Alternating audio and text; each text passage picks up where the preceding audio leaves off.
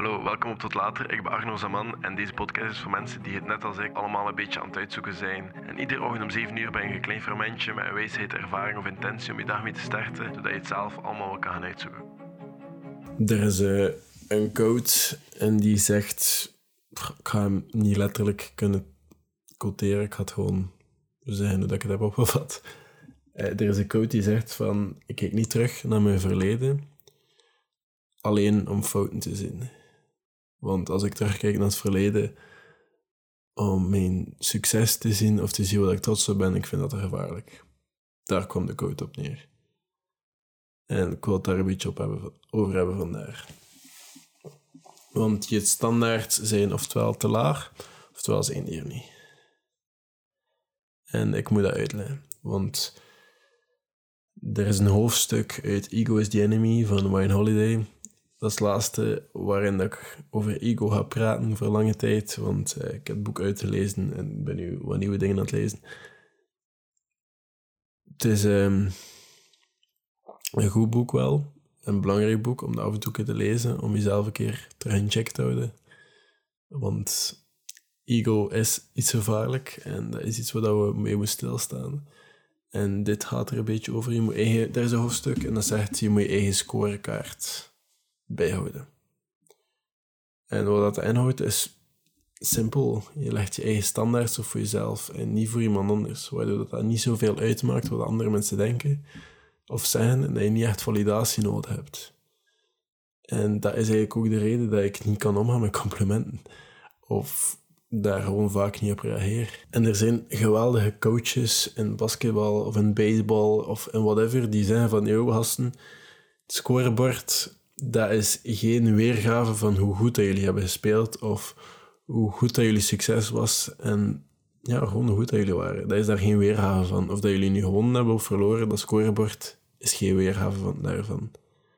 En dat wil simpel gewoon zeggen dat je, je moet doen aan je eigen succes en je eigen scorebord. Want als er een baseballer, ik denk dat Bo Jackson was, dat voorbeeld was in het hoofdstuk, ehm, als die een home run scoorde en heel publiek applaudisseerde, was dat voor hem gewoon een bal in de middle of the field. En, want hij wist dat dat niet perfect was. En dat is niet dat, dat die mensen die heel dat principe begrijpen, die, die gaan niet elke faal zien in iedere situatie. Als ze winnen, gaan ze niet de faal zien. Hè? Een standaard is gewoon... Allee, ze, ze, leggen zichzelf op aan hun eigen standaard. En die is vaak gewoon veel hoger dan iedereen anders. En dat is oké. Die werken gewoon aan zichzelf. En die kijken wat ze fout hebben gedaan. En wat de anderen ook zeggen. Of wat de anderen ook niet zeggen. Dat maakt niet zoveel uit. En daarin ga je zo nooit iets hebben van... Oké, ik ben goed, ik ben niet goed. Maar je bent nooit goed genoeg. En heel je leven ben je een amateur. Of je leven niet lang genoeg. Dus het is beter om altijd te willen bijleren. Altijd jezelf op te leggen aan een bepaalde standaard. En te willen verbeteren. En te kijken van oké, dat is verkeerd of zo. Want ik krijg vaak complimenten van jullie in mijn Instagram DM's. En je gaat daar niet meer uit krijgen dan merci voor je berichtje. Als ik er al op reageer. Ik apprecieer die berichten wel, versta me niet verkeerd. En ik lees dat af en toe wel heel graag. Maar of dat je dat nu goed vindt, of dat je dat nu slecht vindt, voor mij maakt dat niet zoveel uit. Ik wil mensen op een bepaalde manier helpen waaraan dat ik denk dat goed genoeg is. En totdat het goed genoeg is, of totdat ik die standaard heb bereikt, ga ik niet trots zijn. En ik ga dat waarschijnlijk nooit bereiken, en dat is ook oké. Het ding is gewoon, ik leg mezelf op aan een bepaalde standaard en daardoor maak ik me niet druk over wat anderen denken of niet. Ik, denk, oké, ze van dag goed, maar wat kan er beter? En het is niet dat ik een faal zie of een mislukking zie en iedereen denkt dat goed is. Hè. Dat, is niet, dat is niet hoe dat in elkaar zit. Het ding is gewoon, het is gevaarlijk als je altijd gewoon het goede gaat zien, want dan ga je niet meer het slechte zien. En dat is waarom dat je zo van die ego-persoontjes even gaat zien winnen en even de top gaan zien halen en dan verdwijnen. Die gaan daar nooit zijn voor lange tijd. Omdat die enkel het goede zien. En die gaan denken van oké, ik ben de beste of ik, ik doe het goed. Maar die gaan nooit zien wat er beter kan. En dat is het probleem. Nu, het is wel belangrijk dat je zelf een hoge standaard legt, maar het is ook belangrijk dat je ziet dat je vooruit aan het gaan bent en dat je ziet dat je aan het verbeteren bent. Je bent er nog lang niet en je gaat er nog lang niet zijn en je moet nog heel veel verbeteren, maar je bent wel veel beter dan dat je was. En dat moet je soms wel herkennen. Dat is een verschil. Noem het een jury dat altijd meekijkt en ja, die niet reageert of dat de, de grote menigte van mensen het goed vindt of niet. Die heeft zijn eigen mening. En het gaat niet om validatie. Het gaat wel om het feit dat er iemand meekijkt. Want er zijn altijd wel politicers of CEO's van bedrijven of mensen in je omgeving die zich moeten excuseren voor hun gedrag omdat ze iets verkeerd hebben gedaan. En het is in de wereld geraakt, het is ontdekt. Maar geef toe, we hebben allemaal al een keer gedacht van, weet je wat, niemand had dat weten. Ik ga het toch een keer proberen, want wie zou het erachter komen? Ja? Er zijn mensen die cheaten in een relatie voor die reden. Die denken van, ze had dat nooit te weten komen. Ik ben op reis of whatever. Waarom zou ik het nu niet doen? Ja, maar met die gedachtegang, dat lukt niet. En jezelf oplegt een bepaalde standaards. Want wie dat ook te weten komt of wie niet, je legt jezelf op aan bepaalde standaards. En je ego gaat op dat moment daar niet op kunnen reageren of dat niet doen, want dat behaalt de standaard gewoon niet waaraan je zelf oplegt. Dat is niet wie dat jij wilt zijn. Dus je gaat dat ook gewoon niet doen. Je gaat niet vals spelen, je gaat niet je slecht gedragen. En je gaat je waarschijnlijk niet meer of veel minder moet excuseren voor een gedrag dat je hebt gedaan en dat je misdaan hebt.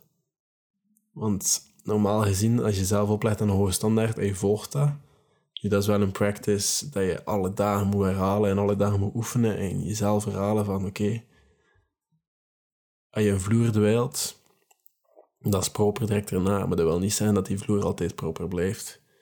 Je moet die vloer alle dagen vegen, want dat stof komt alle dagen terug.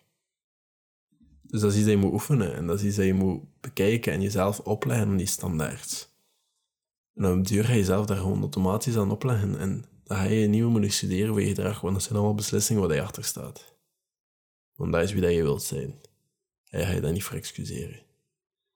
En dat is heel moeilijk. Het is een betere weg, maar het is een moeilijkere weg. En je moet dat voor jezelf uitmaken.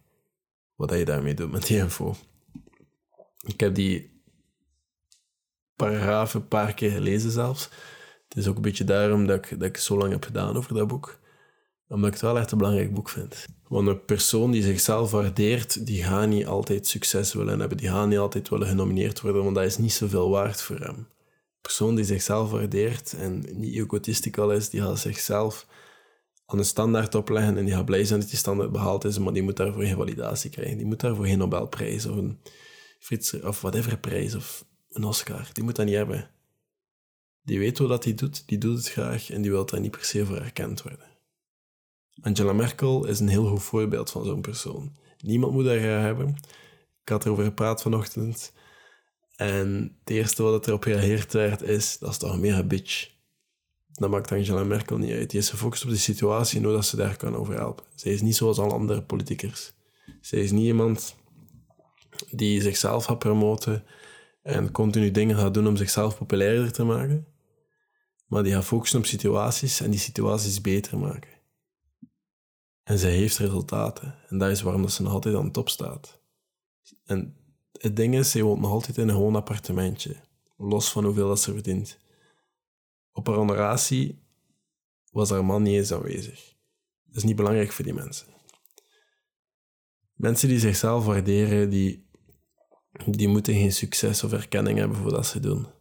En die zijn niet boos als ze kort falen, want die, ze hebben altijd de lange termijn in hun gedachten. Die weten waar ze naartoe willen.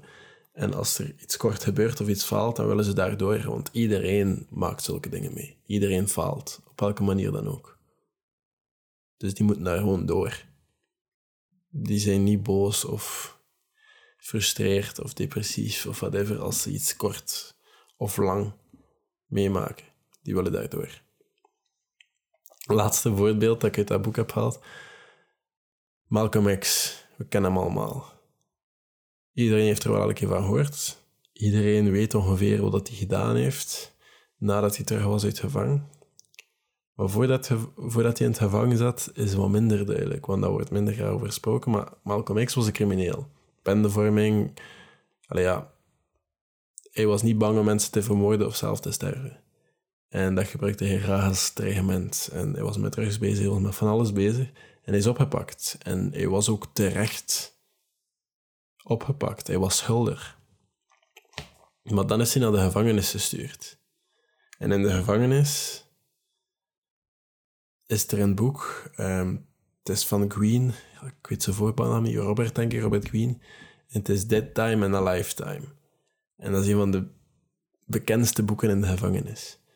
Omdat iedereen heeft wel een dead time in zijn leven. Dat hij op, op dit middelbaar zit of whatever. Dat is de tijd dat je moet doorkomen. En je doet daarmee wat je, wat je wilt. Of je kan die tijd gebruiken en er iets mee doen. Of je doet er niks mee, je bereikt er ook niks mee. En Malcolm Gladwell, uh, Malcolm X, Malcolm Gladwell is iemand anders. Uh, Malcolm X heeft, um, Malcolm Gladwell is de auteur van Outliners, ook een goed boek. Outliers, excuseer. En Malcolm X die heeft in de gevangenis zijn tijd heel goed gebruikt. heeft letterlijk alle boeken dat hij las, van kaft tot kaft, woord per woord opgeschreven. En hij las boeken over cultuur, over religie, over geschiedenis. En allemaal woorden dat hij nog nooit van gehoord had. En plots was hij veel slimmer en hij had maanden gingen voorbij zonder dat hij besefte dat hij in een gevangenis zat. Want hij amuseerde zich en hij was aan het bijleren en hij had een purpose, zo gezegd. Na de gevangenis heeft hij dan heel veel gedaan, dus, alleen voor de zwarte mensen in Amerika. Maar daarvoor moest hij wel eerst in de bak zitten. En daarvoor moest hij wel eerst beseffen. En dat is iets wat dat ego doet. En dat is iets wat we moeten doen. En dat is met onze tijd, onze tijd gebruiken. En beseffen dat we verkeerd doen. En altijd willen verbeteren. En los daarvan onszelf goed vinden of goed prijzen. En nooit denken dat we er zijn. Want hoe hoger dat je bent en hoe meer succesvol dat je bent, hoe gevaarlijker dat is om je ego te laten winnen en plots alles te verliezen. Dat kan. En ik raad dat boek zeker aan. En moest je er iets aan hebben, nice. Maar ik, ik hoor je morgen. Is goed. Tot later.